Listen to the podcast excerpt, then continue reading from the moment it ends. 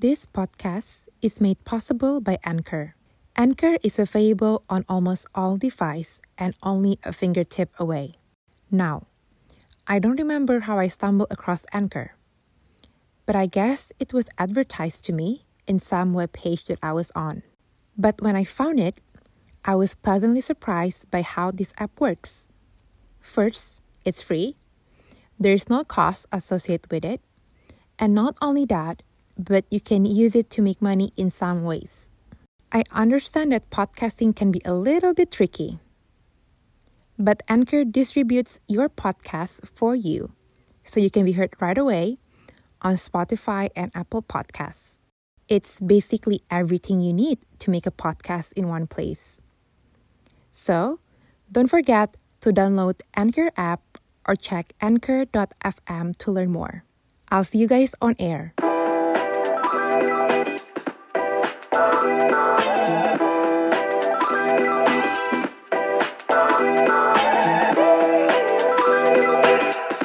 Friends! Welcome back to Unmute with Claudia podcast.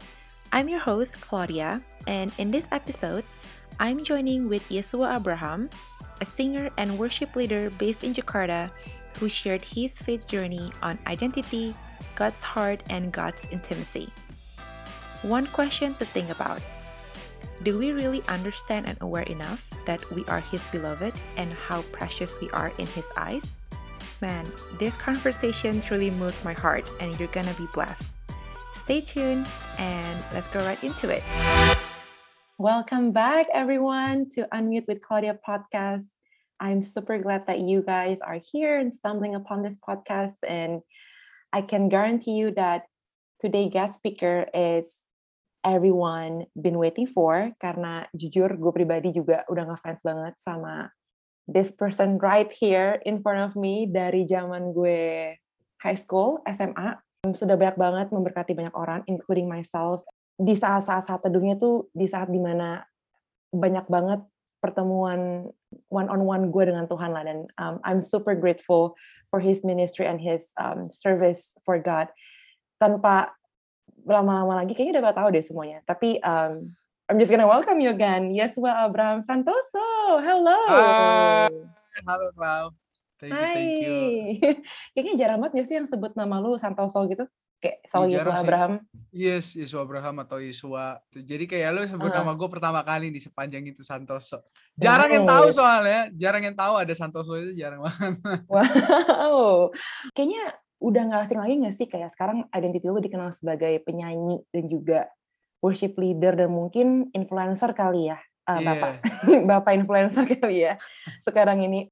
Cuman I know kayak tadi udah sempat ngobrol-ngobrol juga awal-awal ternyata lu sempat tinggal di Pontianak dan bahkan bokap lu keluarga lu masih di Pontianak pelayanan juga yes. di sana gitu kayak what a really small word but berarti kalau gue lihat dari kecil itu hadirat Tuhan udah sangat melekat nggak sih dalam keluarga lu kayak maksudnya bokap lu sendiri kan seorang pendeta gitu dan nyokap lu ibu pendeta otomatis lu udah ke expose lah dengan segala aktivitas gereja dan lain sebagainya gitu. But I, but I also know that lu sempat cerita di one of your interview kalau sebenarnya relationship lu dengan Tuhan itu di saat-saat lu masih remaja tuh semacam nol lah gitu, um, kurang gimana bermakna, ya kan ya.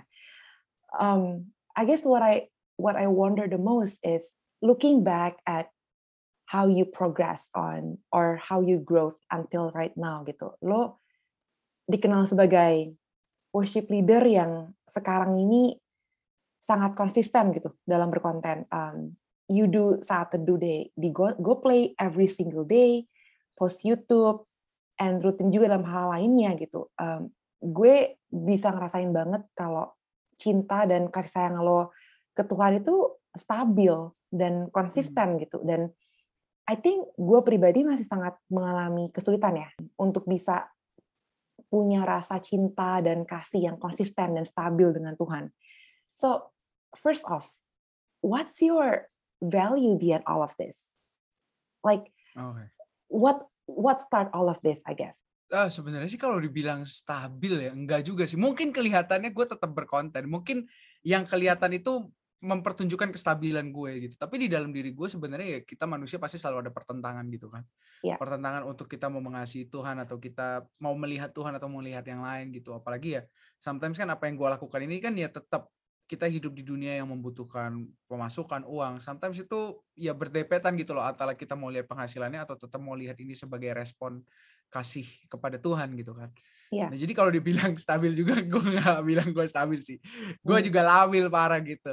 Istri gue tahu betapa labilnya gue gitu kan. Tapi ya, itu maksudnya eh, itu Tuhan ya, itu Tuhan yang bikin gue jadinya nggak berhenti buat terus eh, memuji menyembah Dia karena gue tahu justru gue tuh orangnya sangat tidak stabil dan cuma Dia doang yang stabil. Dan kalau Hmm. dibilang tadi kan dari muda gue udah terekspos ya gitu kan, udah terekspos dengan hal-hal. Kristiani yang berbau Kristiani.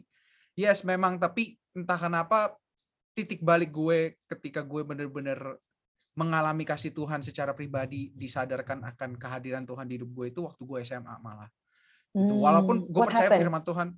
Jadi yang kejadian itu waktu SMA kan gue kan dari kecil kan udah jadi anak pendeta kan. Mhm. Tapi memang namanya pendeta tuh sometimes keluarga gue tuh terlalu banyak pelayanan di luar. Gue ya gue jadi anak yang menurut gue pribadi gue tuh Hmm. kurang kasih sayang. Sebenarnya orang tua mungkin nggak sadar ya. Orang tua pasti selalu pengen kasih yang terbaik buat anak gitu loh. Ya. Mereka punya perjuangannya mereka juga. Gue nggak menyalahkan mereka. Cuma ya hal itu membuat gue jadi anak yang ke- kekurangan kasih sayang sehingga gue nggak menemukan kasih sayang yang gue inginkan gitu. Gue jadinya jadi Mhm. anak yang berusaha cari penerimaan di luar gitu loh. Kayak Oke. ya pacar-pacaran masih, masih SD gitu kan segala Mhm. macem itu dan ya gue punya masalah dengan pergaulan bebas juga gitu padahal gue di gereja gitu gua mungkin nggak mungkin gue nggak ada di gereja karena bokap gue pendeta gitu kan Mhm, mhm. gitu. tapi entah kenapa ya gue setuju hadirat Tuhan tuh selalu ada menyertai kita cuma gue nggak menyadari hal itu gitu loh Oke. gue nggak menyadari kehadiran Tuhan di hidup gue gue cuma sadarnya ya udahlah ini cuma pelayanan walaupun ada orang-orang yang disadarkan lewat eh,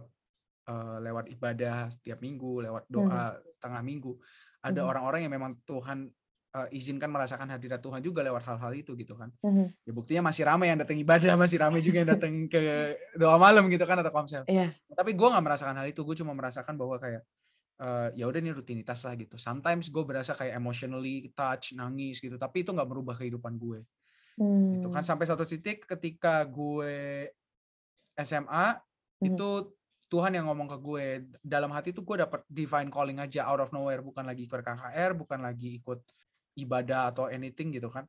Mhm. gue cuma berasa kayak, kayak kan gue nggak menemukan kepuasan di dalam Tuhan. Gue cari kepuasan yang lain gitu kan karena gue punya gambaran yang salah tentang Tuhan. Gue cari kepuasan di tempat yang lain ternyata tempat lain pun nggak bisa muasin kita. Dunia kan nggak bisa muasin kita. Mungkin sesaat kita Betul. berasa happy berasa uh, fulfilled tapi ya itu temporary kan. Itu hal Ya. yang temporary. Akhirnya capek sendiri kayak nah di situlah ketika udah capek sendiri udah kayak hati kan melembut ya ketika kita lelah ketika kita Hmm. udah mentok hati kita melembut di situ dengar suara Tuhan di situ dalam hati itu Tuhan bilang kamu ke mana aja gitu Hmm. wah itu Tuhan manggil gitu aja tersentuh kan tersentuh dan buka pemikiran baru pemikirannya adalah Hmm. kenapa Tuhan masih manggil gue di saat gue itu sebenarnya ya udah udah bertahun-tahun kabur dari dia gitu bisa dibilang kan Mhm. mendua hati eh, cari yang lain selain Tuhan gitu dan Mhm. gue nggak menemukan jawaban itu gue jadi dapat apa ya jadi masuk ke dalam perenungan yang dalam lah di momen itu ketika dapat Hmm. panggilan Tuhan itu kan lu kamu ke mana aja Itu Dan- kok lu tahu Uh-uh. itu suara Tuhan? tahu dong karena posisinya udah mentok dan ada damai sejahtera ketika suara itu muncul gitu kita kan bisa berasa ya karena kita apalagi kita yang di dalam Yesus kita tahu mana suara Roh Kudus mana bukan gitu loh Mhm. apalagi di saat-saat yang udah udah genting-gentingnya biasanya suara Tuhan tuh semakin terdengar jelas gitu kan Iya. di saat kita udah semakin nggak bisa apa-apa biasanya Tuhan tuh semakin jelas suaranya Mhm. nah di situ gue jadi masuk ke sebuah perenungan yang dalam kan gue renungin kenapa ya Yesus mau mati buat manusia gitu loh karena gue merenungkan diri gue nih gue tuh ya Yesus kan dia kan omnipresence ya dia tahu Ya. kejadian di masa depan seperti apa gitu kan dia tahu Hmm. apa yang akan terjadi dia tahu ketika dia mati di kayu salib untuk manusia tetapi banyak juga manusia yang masih hidup buat dirinya sendiri dia tahu banyak, banyak manusia akan mendua hati kenapa dia tetap mati gitu loh itu aneh nggak masuk akal buat gue pribadi ya waktu itu Hmm. nggak masuk akal banget aneh banget di situ gue gak ketemu jawabannya gue telepon bokap gue itu gue lagi di Jakarta karena gue SMA di Jakarta Oke. bokap gue waktu itu di lagi di Lampung waktu itu? waktu itu di sekolah Kristen Ketapang gue Oh, Ketapang. Oke. Iya, Ketapang lu di mana sih Gue dulu di Santa Ursula. Oh lu Sanur? Hmm, Sanur, Sanur yang oh, Menteng. Oh iya iya tahu tahu yes. tahu Menteng. Gue vaksin di situ tuh. Serafim, Asik. Serafim ya Serafim. Asik. Oke okay, oke. Okay, ya, jadi okay. gue waktu itu gak dapat jawabannya kan. Gue telepon bokap gue. Nah mm-hmm. tadi kan kita bahas gue dari Pontianak. Jadi waktu gue mm. di Pontianak SD, bokap gue digerakin Tuhan buat pindah ke Lampung. Oh. gitu pergi ke oh. Lampung jadi gue SMP di Lampung Metro di Saverius habis itu gue baru hmm. move ke Jakarta gue di move ke Jakarta juga karena gue udah pacar pacaran bokap nyokap gue jujur aja mereka takut gue hamilin anak orang gitu. Karena kejadian itu di metro banyak banget. Yang masuk SMA tiba-tiba wow. hamil gitu. Banyak banget kejadian itu kan. Karena ya uh, entah mungkin kurang hiburan kali gue juga bingung daerah-daerah gitu kan. Jadi ya hiburannya itu mungkin. Jadi mhm. gue dikirim ke Jakarta sama adek gue nah di situ gue ketemu sama panggilan Tuhan. Gitu. Panggilan hmm. Tuhan yang bawa gue balik ya gitu. Dan okay. pada saat itu gue bingung kan. Gue tanya bokap gue bokap gue cuma bilang satu kalimat kan gue tanya kenapa Tuhan mau mati buat manusia nggak masuk akal? Gitu. Satu kalimat bokap gue cuma bilang itu bukan lagi KKR hmm. bukan lagi dengerin lagu rohani. Gue baru pulang sekolah di gue inget banget berdiri di dekat lemari. Gue suka kalau teleponan suka jalan-jalan gitu kan. Iya iya iya, iya. gue cuma teleponan doang. Bokap gue cuma ngomong satu kalimat itu kayak khotbah 45 menit. Ya karena kamu berharga oh. gitu doang. Gue nggak tahu kenapa ya. Itu padahal gue seumur hidup gue kan gue Kristen ya. Gue nggak pernah pindah agama gitu kan. Gue selalu ke gereja. Entah kenapa kalimat itu bikin gue nangis kayak anak kecil sih. Gue nangis. Tiba-tiba Tuhan bawa gue flashback ke masa-masa yang gue bandel-bandelnya ketika gue merasa nggak diperhatiin sama orang tua gue terus gue. Ngebayangin tiba-tiba Tuhan bawa gue mengimajinasikan gitu ya membayangkan apa yang terjadi sebenarnya waktu itu. Di situ ada Tuhan yang melokin gue Tuhan yang selalu liatin gue Tuhan nggak pernah tinggalin gue. Wah itu gue nangis sih. Hmm. gitu loh di situ gue nangis udah gue dari sana langsung tiba-tiba ada kerinduan di hati tuh gue pengen kenal kasih lo gitu. Gue pengen oh. tahu kenapa lo bisa sebegitunya sayang sama gue gitu. Kenapa lo bisa bilang manusia itu berharga? Aneh banget kan? Hmm. udah dari hmm. situ langsung berubah mungkin ada jatuh bangun ya jatuh bangun namanya manusia gitu kan gak gagal mengasihi Tuhan ada yeah. tapi di situ gue selalu bangkit lagi kerinduan itu nggak pernah padam sih kerinduan hmm. buat cari Tuhan, haus, lapar. Karena ya itu karena ketemu kasihnya Tuhan kan. Iya. Gitu. Ya. Ketika lu mendapat suatu vision gitu kalau kayak gila Tuhan ini bener-bener sayang banget sama gue dan gue bener-bener berharga di mata dia gitu. Yep. Ketika lu menyadari hal itu, what was the first thing that you do? I guess what was the starting point of your faith growth? Yang gue lakukan adalah gue pindah gereja waktu itu. Oke. Okay gitu jadi gue pindah gereja untuk sementara karena gue butuh mentor gue langsung cari mentor gitu gue hmm. cari mentor gue cari orang yang mau ngebantu gue grow lah gitu memang perlu banget ya ada orang yang mungkin di atas kita dalam arti mereka udah punya perjalanan duluan sama Tuhan gitu kan udah yeah. punya different timeline lah ya yang udah mm -hmm. melewati apa yang kita lewati ya kita butuh bimbingan dia kan belajar sama dia yeah. gitu. Dan di situ gue cari mentor dan gue masuk ke komunitas yang benar gue terbuka tentang kelemahan-kelemahan gue gitu. Dan gue mhm. belajar Bible study juga gue benar itu yang yang benar-benar berubah banget ya. Hmm. gitu sih. Jadi mostly waktu itu bener-bener waktu gue tuh di spend untuk sama komunitas gereja. Seminggu hmm. bisa empat kali. Tapi itu bukan karena gue disuruh karena gue haus gue pengen belajar. Beda haus. banget. Betul. Bener. Betul, beda betul. banget. Iya. Karena gue pribadi juga merasakan seperti itu sih kayak ketika lo melatih iman lo bit by bit, ada semacam ya. kerinduan gitu nggak sih? Iya, benar. Iya, iya, iya. Jadi, if you could think about it, zaman dulu di saat lu belum tanda kutip punya hubungan dengan Tuhan dan hidup lu dan lu punya persepsi yang salah tentang Tuhan, do you think itu permasalahannya di hati atau pikiran lu? Hati dong. Lebih ke hati. Gitu, hati. Karena buat, buat gue hati itu adalah uh, ini yang gue pelajari ya. Hati itu hmm. kan isinya ada uh, pikiran, perasaan dan kehendak gitu. Jadi itu jadi satu tuh. Hmm. Gitu. Makanya kita selalu selalu apa ya? Selalu minta Tuhan aja bilang aku akan berikan kau hati yang baru. Ya. gitu kalau kita baca di uh, firman Tuhan ya aku akan berikan ya. padamu ya. hati yang baru hati yang taat dan menjauhkan daripadamu hati yang memberontak gitu kan jadi hmm. memang pusatnya tuh di hati gitu loh Hmm. Hati ya bicara sebenarnya tentang pikiran juga. Jadi satu tuh pikiran sama hati, perasaan kita juga ada di sana gitu. Hmm. Yes, kalau kita ngomongin soal karir lo gitu ya. When I did research about you, gue merasa kayak Tuhan tuh bener-bener taruh pernah taruh lu di paling bawah dalam karir dan juga pernah taruh lu di paling puncak dalam karir. yes. um, lu pernah gue denger dengar lu pernah jadi penjual panci sama iya. akad yeah. kepala rumah tangga terus lu juga pernah kerja jadi sales promotion boy atau FPB yeah. di PRJ kan ya terus terakhir jadi sales asuransi gitu um, yeah. dan banyak hal lain lah yang lu lu coba kerjakan sampai-sampai lu masuk ke dunia entertainment di situ juga lu mengalami pergumulan lu sendiri gitu loh and looking at now gitu kira-kira kalau lu boleh refleksikan gitu, kenapa ya Tuhan tuh bawa lo ke titik terendah waktu itu? Do you Wah, know? ada ada hal-hal yang memang harus terbentuk di sana gitu. Karakter okay. gue gitu kan gimana cara gue memandang sesuatu itu terbentuknya di sana. Jadi memang ketika kita ada di lembah itu ketik gue nggak bilang itu lembah lah ya, itu hmm. sebuah hmm. uh, proses kehidupan lah ya gitu. Hmm ya namanya kalau bayi itu perlu ada yang namanya ngerangkak dulu gitu tanpa iya. ngerangkak nggak akan bisa berdiri gitu kan yeah. Gitu tanpa berdiri nggak akan bisa lari nggak mungkin langsung lari gitu jadi mm. memang itu proses yang Tuhan kita tuh apa ya Tuhan yang mencintai proses gitu.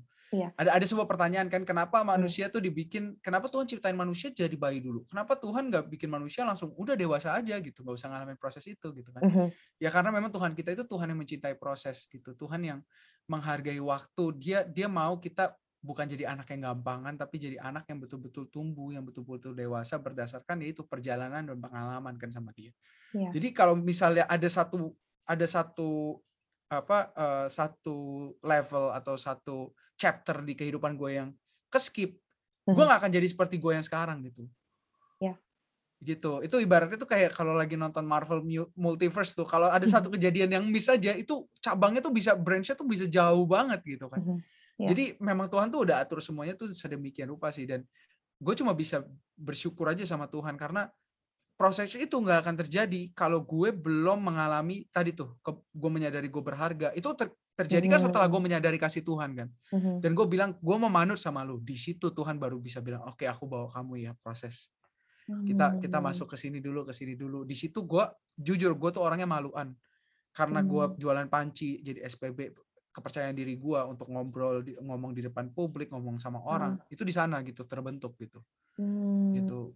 Gue tuh tadinya tuh orangnya apa uh, eh, gue nggak tahu dunia entertainment seperti apa kan. Mm-hmm. tapi gue ketika gue masuk ke wedding organizer gue belajar jadi asisten MC gue tahu gimana caranya gue harus menghargai IO gue tahu beratnya jadi event organizer tuh up gimana gitu. Jadi ketika ada IO yang ngundang gue dengan band gue yang sekuler itu gue tahu up beban mereka gimana gitu loh mm. gue bisa belajar menghargai mereka juga gitu mm. nah, di situ gue belajar yang namanya organisasi gue belajar gimana caranya uh, uh, berkomunikasi di dalam satu tim gitu kan karena gue ada di situ dan abis itu gue dibawa naik sama Tuhan jadi uh, vokalis di wedding dengan bayaran yang kecil di situ gue belajar untuk harmonisasi dalam suara itu hmm. kan duet gimana gitu jadi kalau hal itu skip semua wah udah gue nggak bakal jadi seperti gue yang sekarang I guess my question is caranya gimana di saat lo lagi di titik terendah itu di saat lo merasa kayak I hate my job tapi hmm. lu tahu ini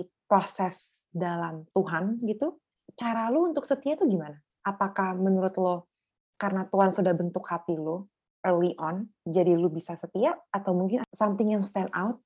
Kalau di gue gitu sih, karena Tuhan hmm. udah karena hati gue udah Tuhan pulihkan, gue jadi pasti ada lah yang ngegerutu gitu-gitu ya. Hmm. Cuma biasanya ketika hal itu udah gue hadapi dan memang sometimes di perjalanannya tuh nyebelin gitu kan hmm gitu. Gue ada ada aja sih, ada aja kode dari Tuhan gitu ya dalam hati kayak, oh dari kayaknya udah selesai nih. Karena tiba-tiba biasanya ketika memang dari satu proses udah selesai, ada aja orang yang nawarin gitu loh. Hmm. Ada aja entah hmm. Tuhan kasih networking yang baru yang bikin gue jadi kayak, oke okay, move ke step berikutnya gitu. Hmm. Tapi okay. kalau dibilang gimana caranya, gue nggak nggak tahu sih. Gue cuma paling ya kayak pokoknya jalan sama Tuhan aja sih. Gue cuma itu sesimpel itu ya kalau gue ya. Yang penting jalan sama Tuhan. Ketika kita memang udah berasa nggak enak, ya ngomong sama Tuhan, bilang Tuhan kok aku berasanya nggak nyaman ya di sini gitu kan. Kan pasti hmm. Tuhan akan kasih peneguhan kan entah itu lewat saat teduh, entah itu lewat firman Tuhan yang kita baca. Pasti ada aja pesan Tuhan yang ngingetin kita. Entah kita harus move, entah kita harus tetap stay karena Tuhan masih mau ajarin kita. Itu semua itu personal gitu loh. Dan itu nggak bisa dipukul hmm. rata. Oh stepnya harus kayak gini nih supaya kita bisa kayak gitu. Nggak hmm. bisa sih. Karena buat gue pribadi Tuhan itu personal perjalanan iya. Musa yeah. sama Daud aja beda, nggak bisa dipukul rata. Yeah. Gitu. Perjalanan Gideon aja beda sama Simpson gitu kan. Mm -mm. Dan memang Tuhan kita tuh sepersonal itu. Jadi ya intinya hubungan sama Tuhan yang bikin kita bisa mengerti timeline Hmm. proses gitu kan. Kita bisa paham etis berasa lah gitu kapan proses ini harus move, kapan memang kita harus tetap stay. Tadi pas lu cerita mengenai itu semua gitu, satu Ya. questions yang pop up in my head. Lu pasti pernah dong mengalami semacam kekosongan atau kayak jalan buntu lah dalam hidup lu gitu. Dan uh, I guess my first question is, lu pernah nggak mengalami momen di mana lu ngerasa sama Tuhan nih lagi buntu banget jalannya? Kayak lu lu merasa bahwa you cannot even put your hope in Christ anymore. Ketika lo merasa kayak my life is not going right and as if God's favor not upon you. Lo sebagai orang yang lo sebagai orang yang bisa dibilang mempunyai hubungan sangat dekat dengan Tuhan dan selalu worship Dia dan berdoa dan all those things. Gua gua kalau gua pribadi ya yang gua alami ya, kalau sampai Hmm. kepahitan kayak gitu sama Tuhan sih puji Tuhan belum pernah ya. Hmm, Dan hmm. hopefully enggak gitu. Ya. Tapi memang perjalanannya pernah di mana gue merasa hidup gue stuck. Padahal itu kondisinya kan gue udah Tuhan bawa masuk ke Just Do It ya 2016 gitu. Hmm, Dan sebenarnya sebelum Just Do It aja gue pernah ngalamin juga. Jadi se- sebelum gue benar-benar ngalami kasih Tuhan waktu gue 3 SMP itu di Lampung, gue dapat penglihatan dari Tuhan kan. Gue Hmm. lihat ada satu pribadi terang banget, dia bawa gue ke satu panggung gitu kan. Dan di mhm. situ gue di tiba-tiba pribadi itu bilang aku akan pakai kamu jadi berkat melalui panggung ini gitu loh. Yap. Nah tapi kondisinya kan gue belum mengalami kasih Tuhan, jadi gue berusaha dengan pikiran gue sendiri gitu. Gue berusaha dengan pikiran gue sendiri. Mhm. Gue cobain ajang pencarian bakat Got Talent, X Factor, Idol sebelum gue diproses sama Tuhan. Dan Oke. gue gak dapat apa-apa gitu loh. Gue malah mempermalukan diri gue sendiri lah gitu. Itu Karakter lu- gue gak siap. Itu lo menjadi artis lah. Iya, gue pengen banget jadi artis waktu itu. Dan gue kecewa sama Tuhan karena gue bilang lah Tuhan, lu kasih gue visi kok gak kejadian, ada mimpi gitu kan, Oh, ada so, penglihatan kok gak kejadian. so you sort of misunderstood him. You misunderstood his Yes, plan. betul. Oke. Oke. Betul. Ka- it- Kalau di perjalanan gue ya, yang terjadi pasti selalu kayak gitu sih. Gitu. yang Oh, terjadi terus- pasti Mm-mm. Gitu. Jadi terus setelah itu, ya itu gue ketemu kasih ya Tuhan dulu kan. Memang ternyata memang Tuhan mau gue ketemu sama dia dulu, dia proses, barulah dia percayakan. Kan selalu kayak begitu sebenarnya. Hmm. Pertemuan, pengenalan akan Tuhan gitu kan, membawa kita Ya. dibentuk, diproses, kemudian dipercayakan sama Tuhan. Hmm. loh. Jadi memang eh, ya itu yang terjadi dan ketika gue ngalamin lagi tuh ketika Tuhan udah percayakan, gue lagi yang salah gitu. Karena Hmm. gue yakin Tuhan tuh nggak pernah salah gitu. Mhm. Tuhan nggak pernah salah. Yes. Yang salah tuh sering kali kita, kita salah mengerti, kita salah melihat. Kalau Tuhan udah nggak mungkin salah gitu. Nah Ya. makanya ketika ter- it- kal- ketika ada hal yang kita berasa bahwa kok Tuhan kayak gini, tuh kok Tuhan kayak gitu, yang gue selalu lakukan adalah gue berdiam diri dan gue refleksi, gue tanya sama Tuhan, Tuhan what's missing gitu loh. Hmm. Tuhan open my eyes untuk lihat gitu apa yang sebenarnya Tuhan mau kerjain gitu. Karena Oke. memang ya gue gue gue yakin ini ya almarhum Pastor Adit tuh selalu bilang kayak gini, kalau lu belum melihat hasilnya baik, berarti Tuhan belum selesai. Gitu. Amen. Gitu. Jadi kalau lu masih lihat kok hidup gue kayak begini kayak begitu, berarti Tuhan masih belum selesai Selesai. and he's still Hmm. working gitu. Iya. Dan ketika lu udah bilang oke this is good gitu. Hmm. Eh itu bisa jadi ya itu yang sudah Tuhan selesaikan gitu kan. Iya. Ya. Biasanya Tuhan tuh ngomong sama lu melalui apa? Yes.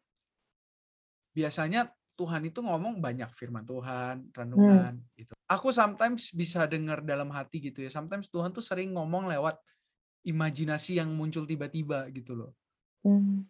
Gitu. Jadi kan kita biasanya kalau doa kan merem ya atau kita Hmm. lagi enjoying his presence kan kita merem. Sometimes Tuhan Hmm. tuh kasih vision gitu loh, kasih penglihatan Hmm. gitu. Tapi ya itu rare sih bisa di bisa dihitung jari lah dalam setahun gitu kan. Iya. Tapi yang mainly aku ngobrol sama Tuhan lewat firman Tuhan gitu loh. Aku sering dengar suara Tuhan ya lewat firman Tuhan gitu kan. Hmm. Walaupun ya kalau misalnya lagi pelayanan gitu kan tiba-tiba Tuhan bisa kasih suara di hati, entah tiba-tiba prophesy keluar gitu kan doain satu orang ini kamu lagi gini-gini ya harus bisa bisa kayak gitu Hmm. gitu. Tapi ya itu nggak selalu terjadi seperti itu kan Mhm, memang eh, kalau dari aku pribadi yang aku alamin ketika kita selalu punya hati yang mendengar gitu kan Hmm. punya hati yang pengen dengar suara Tuhan Tuhan tuh bisa ngomong lewat apa aja gitu Gimana Sometimes cara Tuhan- latihnya menurut lo? Yes. buka Sorry. buka hati sih Hmm. gitu buka hati sih intinya setiap kali kita jalan kehidupan sehari-hari kita selalu bilang Tuhan I want to hear your voice Hmm. talk to me gitu Tuhan aku pengen dengar suara Tuhan Mhm. Jadi buka hati kita gitu kan dan uh, jadilah tenang gitu di setiap apa pun yang kita lakukan tenang jangan panik Iya. jangan itu karena kepanikan tuh bikin kita nggak bisa dengar suara Tuhan nah ketika Mmm. kita tenang hati kita terus open to hear His voice dia bisa ngomong lewat lagu Mhm. sometimes itu bukan lagu rohani lagu Justin Bieber kayak atau lagunya siapa kayak gitu Mmm. sometimes itu bisa hits me hard banget dan aku bisa nangis tersentuh gitu loh Wow. gitu diingetin nama Tuhan lewat lagu entah itu lewat perbincangan dengan orang orang yang ada di sekitar aku gitu kan entah lewat istriku Tuhan juga sering ngomong lewat istriku gitu loh Mmm. beberapa kejadian gitu kan padahal dia juga bukan lagi kayak kamu lagi kayak gini ya gitu bukan kayak gitu dia cuma nyeletuk doang iseng Mmm. tapi bisa Tuhan bisa pakai dia juga mau ngomong jadi memang Tuhan tuh bisa pakai siapa aja buat ngomong sama kita cuma balik lagi kita kita tuh punya hati yang mau mendengarkan atau enggak kalau kita Mmm, punya hati yang mau mendengarkan kita bisa terus dengar suara Tuhan Yap yap Gitu. Walaupun ada masa-masanya Tuhan kelihatannya diem ya. Ya di Alkitab aja kan ada masanya di mana Tuhan tidak berbicara sama sekali. Iya. Gitu. Tapi pada saat momen di mana Tuhan pengen bicara, kita nggak pernah miss. Ketika kita punya hati yang selalu mendengarkan. Tadi, eee, di awal-awal lu sempat mention bahwa growing up di umur-umur krusial itu, lo itu lost identity, ya kan? Iya. Mmm, dan itu disebabkan oleh banyak hal gitu. Dan dan paling utamanya you lost your identity in Christ. Yap. Dan lu menemukan itu kembali dari perjumpaan-perjumpaan dan breakthrough with him lah dari banyak cerita. So if I ask you now, what is your identity in Christ? Yes, kayak how do you define it, I guess.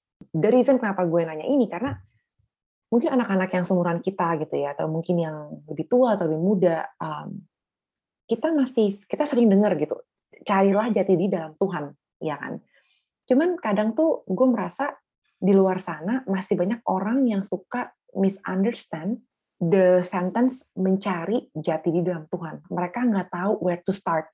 What do Ya. you think? Uh, kalau gue pribadi ya, gue ya gue sampai sekarang gue yakini ya gue anaknya dia gitu loh. Apa pun yang terjadi, gue tuh anaknya dia dan gue sahabatnya Tuhan gitu. Tadi I'm tadi gue denger lu panggil pas doa lu panggil Tuhan, Tuhan tuh Papa. Pa. Ya. Iya, aku aku aku selalu doa sama Tuhan tuh panggilnya papa Hmm. gitu kan.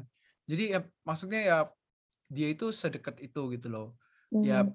mungkin orang-orang beberapa susah banget ya untuk manggil Tuhan papa mungkin karena ada miss uh, di relationship dengan orang tua mereka gitu kan.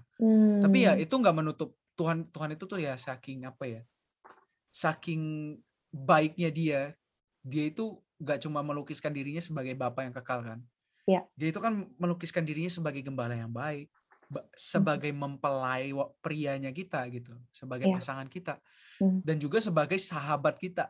Nah itu adalah bisa dibilang di dalam kehidupan kita itu adalah kasih, tingkatan kasih di dalam perjalanan kehidupan setiap manusia gitu loh. Hmm. Ada kasih seorang sahabat, ada kasih seorang pasangan, ada kasih seorang bapak, ya kan? Yap. Ada kasih seorang gembala gitu loh. Jadi eh, itu yang yang membuat kita sebenarnya nggak akan kehilangan figurnya Tuhan. Ketika kita Hmm. mungkin kita nggak bisa manggil dia papa, dia sahabat kita gitu.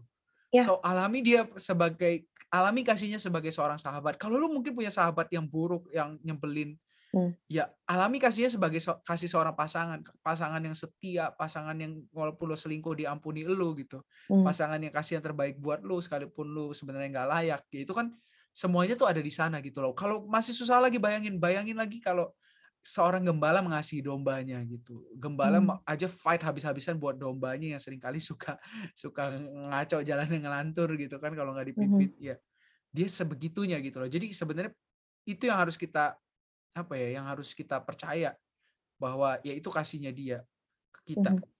Dan identitas kita di dalam Tuhan hanya kita temui ketika kita ketemu dengan tadi gambaran Tuhan yang seutuhnya.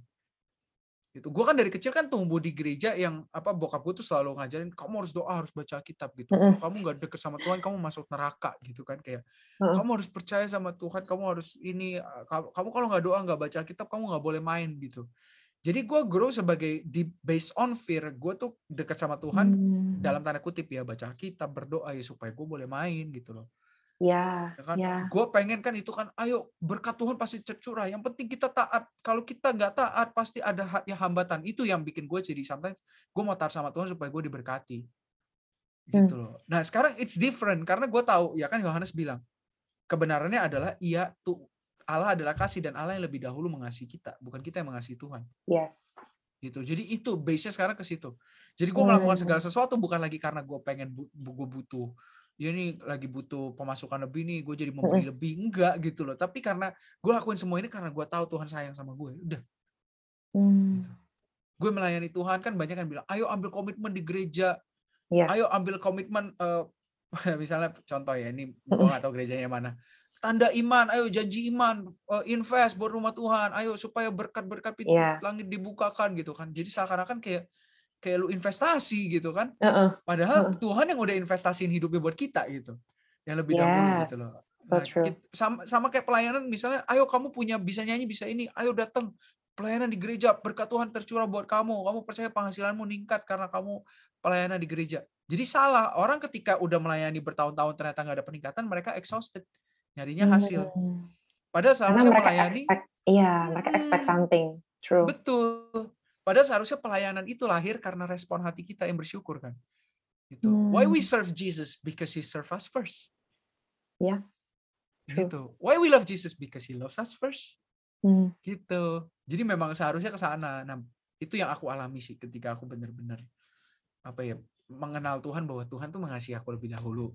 Yeah. Dia itu cinta banget sama aku udah aku sadar oh gue anaknya gue sahabatnya gitu kan yeah. gue gue kesayangannya udah mm-hmm. semua udah oh, kalau udah inget itu tiap hari tiap pagi tiap malam ada apa pun kita inget itu udahlah udah enak hidup kita beneran deh bener enak mm. banget hidup kita iya iya iya you know what you make such a good point and mungkin gue pribadi jujur menjalani hari-hari gue mungkin karena kesibukan dan lain sebagainya, yeah. gue lupa akan esensi dasar itu.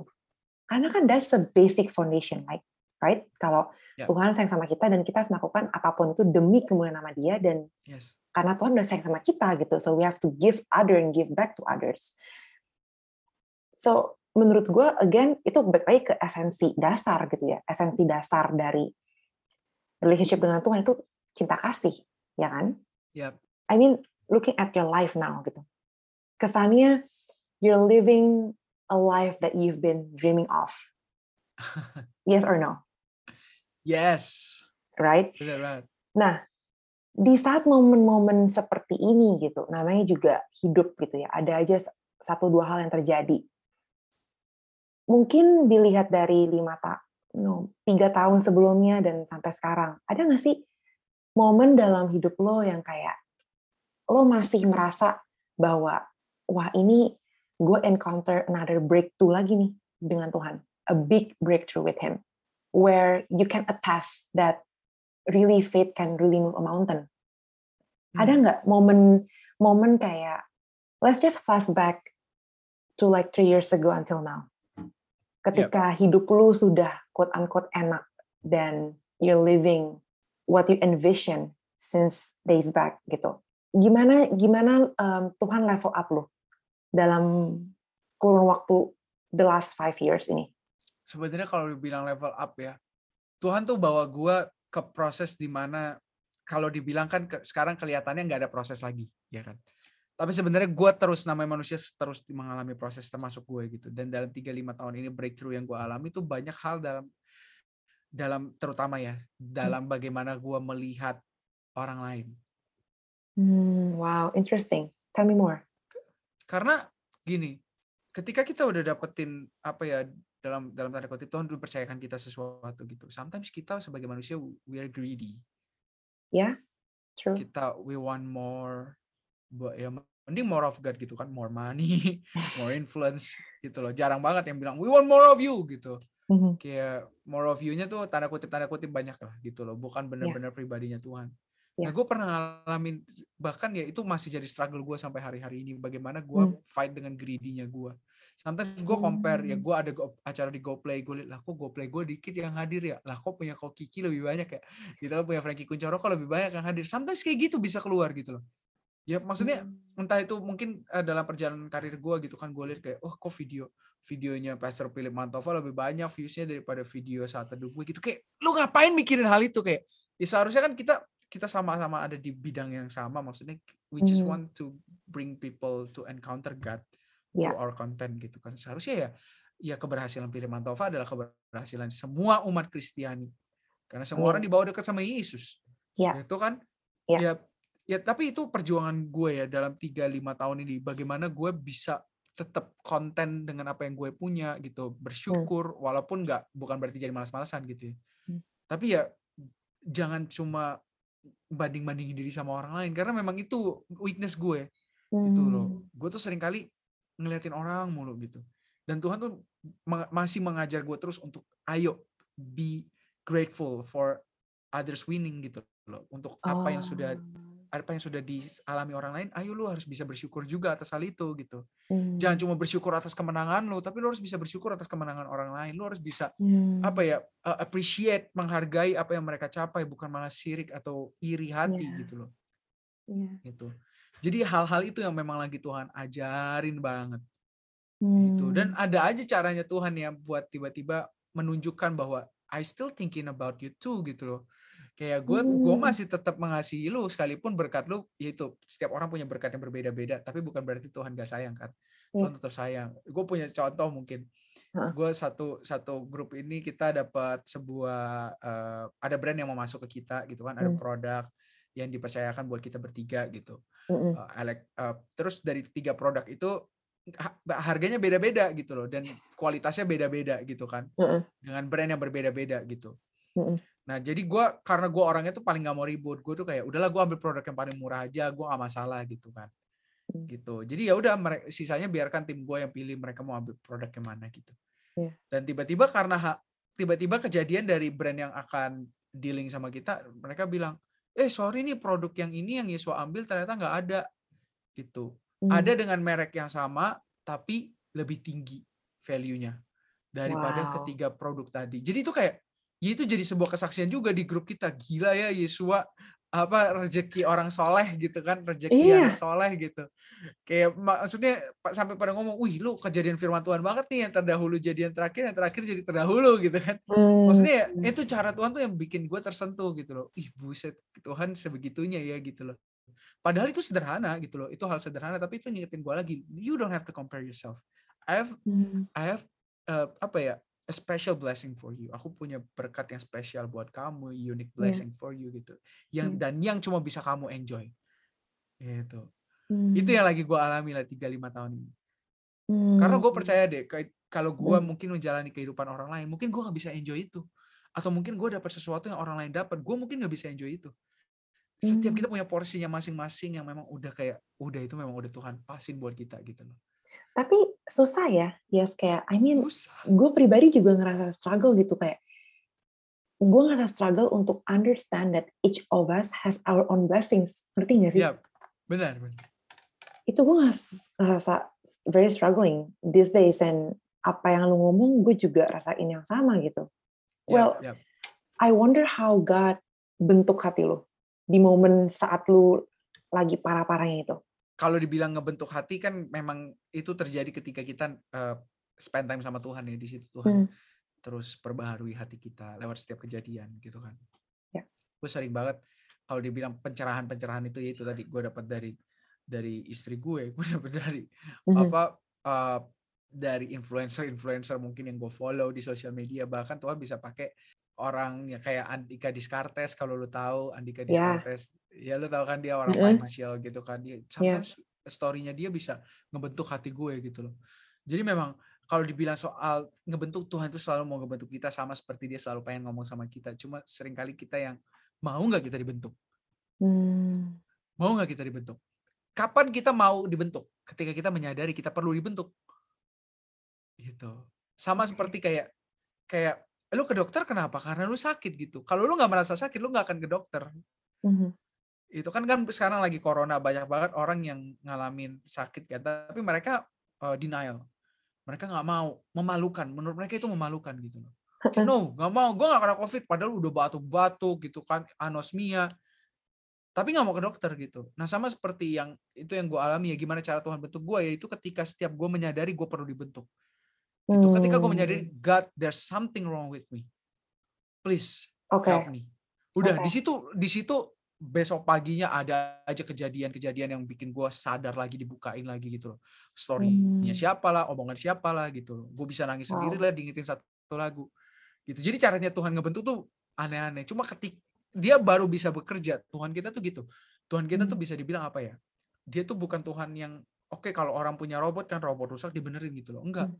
Tuhan kita itu ya benar dia seperti tabib. Yang namanya tabib itu apa sih? Tabib itu bisa ngobatin orang yang merasa dia yang tahu bahwa dia sakit dan dia datang ke tabib itu. Gitu. Hmm. Gitu kan? Jadi- kan pasti maksudnya apa ya? Ibaratnya Tuhan tahu kita sakit, tapi kan dia pasti invite kita dong. Ayo mana sini yang sakit datang sama gue, gue obatin. Iya. Tapi kalau pada nggak merasa sakit nggak datang sama Tuhan. Hmm. gitu. Are you saying Tuhan nggak mencari kita, tapi kita udah mesti propose ke dia? No, Tuhan cari kita. Tuhan cari kita. Tapi respon kita gimana? Hmm. Iya kan? Ya. Kan gini, dombaku mengenal suaraku dan aku mengenal suara mereka. Hmm. Yang nyariin domba siapa? Gembalanya. Gembalanya. Caranya gimana? Dia panggil namanya. Hmm. Dombanya tahu nggak? Ketika nih kan kita kehilangan arah, Tuhan panggilin kita. Dombanya tahu nggak kalau dombanya kenal Tuhan? Tahu suaranya. Lalu apa yang akan domba itu berikan? Dia akan meresponi, Tuhan aku ada di sini. Hmm. Gitu loh. Domba itu akan kasih kasih kode ke, Tuhan, ke gembalanya bahwa aku ada di sebelah sini. Gembalanya yang terus cariin dombanya. Hmm. Tapi domba itu juga harus tetap manggil gembalanya supaya ya ketemu di tengah gitu loh. Hmm. Kalau enggak ya gembalanya nggak tahu dombanya di mana bukan berarti Tuhan nggak tahu. Maksudnya ini sebuah analogi ya. Iya. Itu bahwa dua hubungan ini dua arah bukan cuma Tuhan yang cari kita tapi kita juga berusaha untuk meresponi panggilan Iya. Tuhan, meresponi suaranya Tuhan gitu loh. Hmm. Hmm. Meresponi ajakannya Tuhan. Kan Hmm. Tuhan bilang marilah kepadaku yang letih lesu dan berbeban berat aku akan berikan kepadaan. Akan Iya. berikan engkau kelegaan gitu. Iya. Even pun kalau Tuhan nggak bilang marilah, pasti Tuhan akan tanya di mana alamatmu aku akan datang sama kamu. Lah masa iya kita diam doang? Iya. gitu kan Iya. pasti kita respondi dong Tuhan aku alamatnya di sini itu Hmm. ibaratnya contoh bukan berarti Tuhan nggak tahu Tuhan maha tahu cuma Iya. Tuhan kita itu punya manners Yes. gitu loh Iya. He is God of manners dia tahu mannersnya dia nggak akan paksa Iya. orang orang yang mau yang menurut kalau memang orang itu nggak mau disamperin dia nggak akan samperin karena itu nggak sopan. Ya kan? Kan Tuhan bilang aku bukan Hmm. pencuri pencuri masuk lewat jendela. Pencuri nggak di invite dia datang Ya. gitu loh. But I am the door. Aku datang mengetuk pintu. Kamu mau bukain aku pintu gak Hmm. gitu kan. Gitu loh. Aku datang nih aku mau ngobatin Wow. kamu. Aku tahu kamu sakit tapi kamu sadar gak kamu sakit kalau Hmm. kamu sadar open the door I will help you I will cure you I will heal you Hmm. gitu kan Hmm. I will Mhm. shape you tapi kalau lu nggak merasa ya udah Tuhan gak akan nggak sop Tuhan nggak akan eh, masuk dengan dibobol mencuri gitu enggak Tuhan Iya, akan tetap ngetok dia nggak akan Hmm. berhenti ngetok sampai kita buka pintu Iya, yes, banyak banget juga kan di Bible em, yang bilang mengenai hati yang cemas atau anxious heart, ya kan? yes Dan banyak banget anak-anak muda zaman sekarang, bukan anak muda, bahkan kayak even orang tua kita pun pasti orang Kristen tapi masih hidup dalam kecemasan gitu, day in day out. What do you think God has to say about anxious heart? don't worry Exactly, ya, exactly. Tapi gimana caranya kita tuh bisa apa ya? Resonate banget gitu dengan don't worry-nya Tuhan. Oke. Jadi kita lihat ya uh, firman Tuhan kalau kita belajar dari kitab Lukas Hmm. tentang kejadian. Jadi sebenarnya pasal itu diawali dengan cerita tentang orang kaya yang bodoh. Mhm. Kalau if you read about it Yes. itu kan orang kaya yang bodoh. Ada Ya. satu orang kaya ya kan ini uh, ini akan masuk ke sana tuh tentang gimana kita mengha- apa ya mengatasi hati yang cemas. Hmm. Orang kaya ini punya harta yang banyak, dia bekerja sekeras mungkin dan dia bilang, "Oke, aku akan bikin hartaku sebanyak mungkin, aku akan punya apa ya, eh, lumbung yang gede lah supaya ya udah gue bisa tenang, hidup gue bisa tenang." Karena gue punya duit yang banyak. Ibaratnya gitu loh. Kapan kita tenang? Ketika kita punya segelintir angka atau kalkulasi yang menurut kita, oke ini udah bisa aman nih dengan uang segini gitu loh. Mhm. gue akan tenang, damai, gue nggak perlu lagi stres. Tapi apa terjadi ketika dia udah punya semuanya itu, ya kan, sudah mencapai titik tertentu dana daruratnya udah terkumpul mungkin, Iya. dana darurat sampai dia punya dana pensiun semua udah aman. Apa yang terjadi? Tuhan panggil dia, padahal ya ibaratnya itu baru dalam baru mau menjalani Menikmati. kehidupan menikmati Iya. gitu kan. Tuhan Iya. panggil dia. Lalu apa yang terjadi? Lah itu gimana dong uang gue ya nggak bisa ditinggal lah di situ. Gitu kan. Dan Tuhan Hmm. bilang kemudian begitulah jadinya orang yang hidup untuk dirinya sendiri dan tidak memikirkan orang lain. Ya. Gitu. Lalu di ayat berikutnya Tuhan bilang, oleh sebab itu Hmm. janganlah kamu khawatir tentang apa pun juga. Kamu lihat burung di udara, Hmm. kamu lihat bunga. Jadi memang Hmm. kecemasan itu, kekhawatiran itu Hmm. lahir dari kita tidak menyadari siapa kita di mata Tuhan. Hmm. Balik lagi ke identity. Orang Tuhan tutup di Iya. akhirnya apalagi kamu hai orang yang kurang percaya bukankah Bapamu di surga jauh lebih mengasihi kamu dibandingkan burung pipit dan juga bunga berarti kan it's about identity kan Itu. Hmm. lu sadar gak siapa Iya lu di ya. mata Tuhan Iya Gitu. ya. iya kan Ya. Itu di situ udah dari zaman dulu udah bahas tentang identitas Yesus selalu bilang tentang identitas di sana gitu loh Hmm. You are precious to him. Kamu itu berharga, lebih berharga daripada burung pipit. Kenapa orang rakus? Kenapa orang greedy? Karena mereka nggak pernah merasa cukup. Kenapa mereka nggak merasa cukup? Karena mereka cemas. Hmm. Karena mereka khawatir. Karena mereka takut. Ah, kayaknya segini nggak cukup nih ntar. Gimana kalau ada ini? Gimana kalau ada itu? Oh, lebih lagi, lebih lagi gitu kan. Cari duit lebih lagi. Ya udah ngapain bantu orang? Orang gua aja belum cukup gitu kan. Iya. Gitu. Jadi semuanya tuh akarnya di sana. Ternyata memang ada miss itu. Jadi Wow. memang ya kita harus balik lagi kita ingat kita tuh berharga di mata Tuhan yang pelihara hidup kita. Ya, ini firman Tuhan juga bilang berkat Tuhan yang menjadikan kita kaya susah payah tidak menambahkannya. Hmm. Gitu kan. Jadi segala sesuatu tuh dari Tuhan. Gitu. Gak ada seseorang pun yang bisa mengambil sesuatu untuk dirinya sendiri kalau tidak dikaruniakan dari surga. Ya kan Hmm. si Nabi Yohanes kan bilang kan Yohanes Pembaptis. Ya. Itu. Jadi semuanya dari Tuhan. Ya udah kita kalau kita tahu dari Tuhan, kita lakukan bagian kita. Jangan takut kita kelola dengan baik dan jangan jadi greedy karena kita takut Tuhan. Berarti kan kita nggak percaya kan sama Tuhan. Kita nggak yakin Ya. Tuhan akan take care kita. Ya. kan? Kenapa kita nggak yakin nih? Karena kita belum menyadari betapa Tuhan sayang sama kita. Hmm. Kalau kita udah sadar betapa Tuhan sayang sama kita, wis, Wah. kita udah pasti, wah udah deh, Hidup tenang ya. hidup tenang dan bukan cuma tenang, kita justru bakal hidup buat orang lain juga. Kita bakal justru mikirin orang lain juga. Mhm. Gitu. Karena kita tahu Hmm. Tuhan udah terlalu mikirin kita. Tuhan udah Wow, yes, gila. Lu mau mau jadi pastor ya, yes? Gue gue support lu banget. No, no, no, no, but Beb, you, katanya lu mau jadi pastor gak Beb, gue support lu banget. Feby langsung tolak dulu, Yesus tolak. tapi tadi lu, you made such a good point ketika lu ngomong kalau orang yang anxious, punya hati anxious dan worry itu adalah orang yang nggak tahu Tuhannya siapa. Iya, Baik lagi ke, ke that identity crisis gitu. Bukan cuma nggak tahu Tuhannya siapa dan nggak tahu siapa dia di mata Tuhan. Nggak tahu siapa dia di mata Tuhan, betul. Yes. Betul. Menurut lu pribadi selain, oke, menurut lu pribadi kerinduan apa aja yang anak muda harus punya sebagai orang Kristen selain kerinduan untuk punya a deep and meaningful relationship with God and be close to Him. Menurut lu Hmm. what other things gitu kerinduan yang anak muda perlu punya as a Christian? Kerin- kerinduan untuk terus pengen serupa Kristus. Hmm. Gitu. Kerinduan untuk terus pengen jadi seperti Yesus gitu. God Karena like, yes, Christ-like gitu. Ke Iya. Christ-likeness itu yang memang sering kali missing kan kayak banyak orang kan pengen cuma sekedar deket doang kan, tapi mereka nggak rindu benar-benar Tuhan aku pengen rindu dibentuk terus, di hmm, dipertajam terus. Kerinduan itu menurut gue dua kerinduan itu sih kerinduan akan Tuhan dan kerinduan untuk terus dibentuk. Nah, Oke. itu yang yang it's more than enough gitu loh. hmm, Gitu loh. Sisanya yaitu sisanya kalau kata firman Tuhan apa pun saja yang kamu minta aku akan jawab gitu. Iya. Jadi sisanya kerinduan yang lain it's uh, minor lah. Tapi Hmm. majornya itu sih kerinduan untuk dibentuk, kerinduan terus nempel sama Tuhan. Wow. Ngomongin tentang sahabat ya, em, tadi lu ngomong kayak kita harus melihat Tuhan sebagai seorang sahabat. Lu baru keluar single terbaru lu kan, single terbaik, Yes. right? Eh, Sahabat, terbaik. sahabat terbaik. Why why do you feel the urge to to to like sharing this? Because because the whole story is very personal. Ya, ya, ya. Jadi sebenarnya uh, gue tuh kemarin uh, habis pelan eh ya itu out of nowhere bener-bener Klau. Sebenarnya gue tuh udah persiapin lagu yang mau gue rilis bukan lagu itu. Lagu itu tuh belum selesai. Jadi itu lagu tuh udah setahun lalu gue bikin. Gue cuma dapat chorusnya, verse-nya tuh gue gak dapet yang enak gitu. Dan Hmm. gue lupa, gue lupa, bener-bener lupa gue punya chorus lagu itu. Dan waktu itu kayak minggu lalu gue pelayanan di salah satu eh, kantor apa kantor di Jakarta gitu kan tapi via Zoom setelah pelayanan gue digerakin Tuhan kok gue pengen nulis lagu ya? gitu kan. Gue bilang ke istri gue gue pengen nulis lagu nih gue pengen nulis lagu.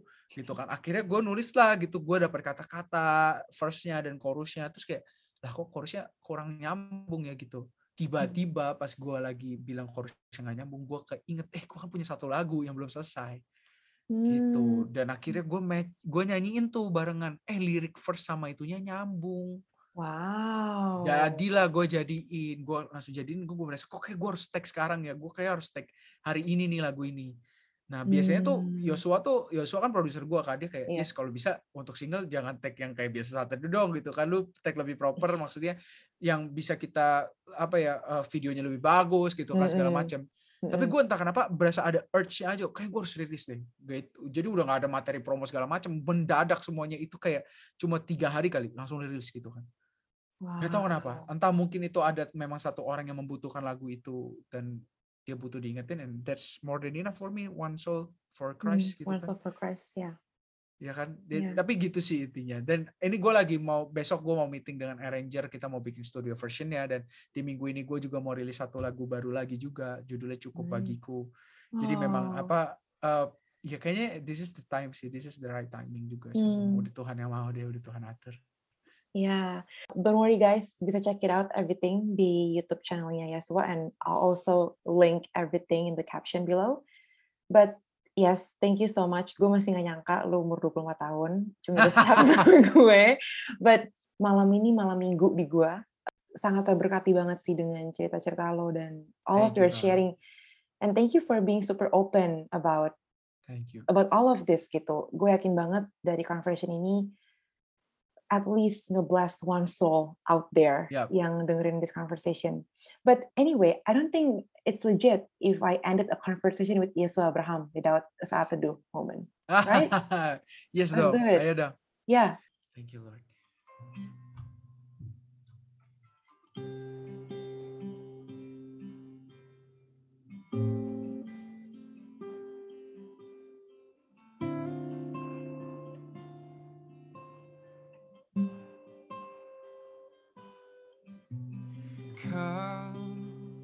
Selalu mendengar yang belum terucap. Kau selalu melihat setiap tetes air mata.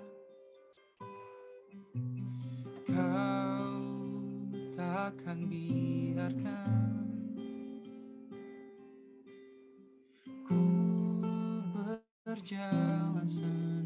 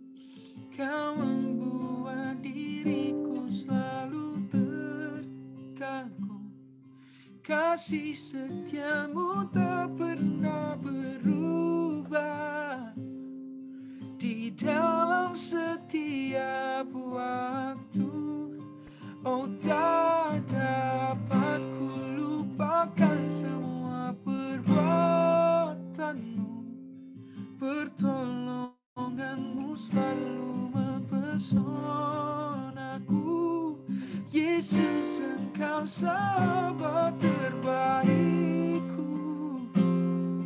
Di dalam setiap waktu. Di dalam setiap waktu. Yesus engkau sahabat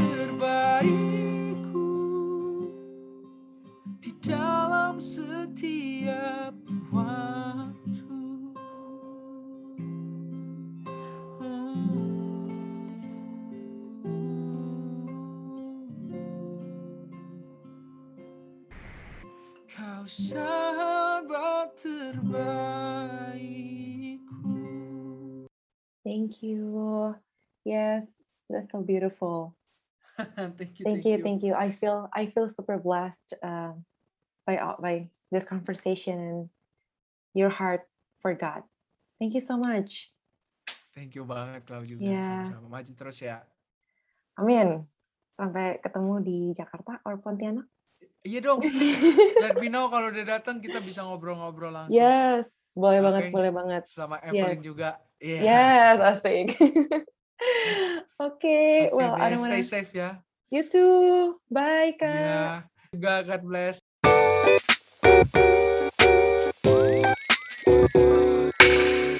Thank you all for listening to this Unmute episode. Don't forget to follow this channel and share it with your friends too. And also, feel free to hit me up on Instagram at Claudia H. Johan. Unmute Podcast. Let the brain sparks begin. See you.